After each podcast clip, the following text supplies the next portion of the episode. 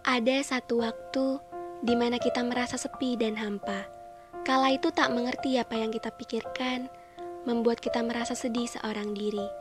Tanpa kita sadari, setiap orang pernah berada di titik itu. Aku selalu ingat salah satu kutipan Pak Hainim Sunim yang isinya ialah Knowing our minds is just as important as trying to change the world. Mengetahui pikiran kita adalah sama pentingnya dengan mencoba mengubah dunia. Jadi, cobalah mengetahui isi pikiran kita. Cobalah ubah kesedihan dalam pikiran dan hati kita menjadi sebuah kebahagiaan. Dengan tidak memikirkan hal-hal yang tak penting, yang membuat seolah-olah pikiran kita terbelenggu. Cobalah pikirkan hal-hal yang positif. Dengan memikirkan orang-orang yang kita sayangi dan orang-orang yang menyayangi kita. Kesedihan memang akan berlalu, tapi bukankah lebih baik jika kita mempercepat berlalunya kesedihan itu?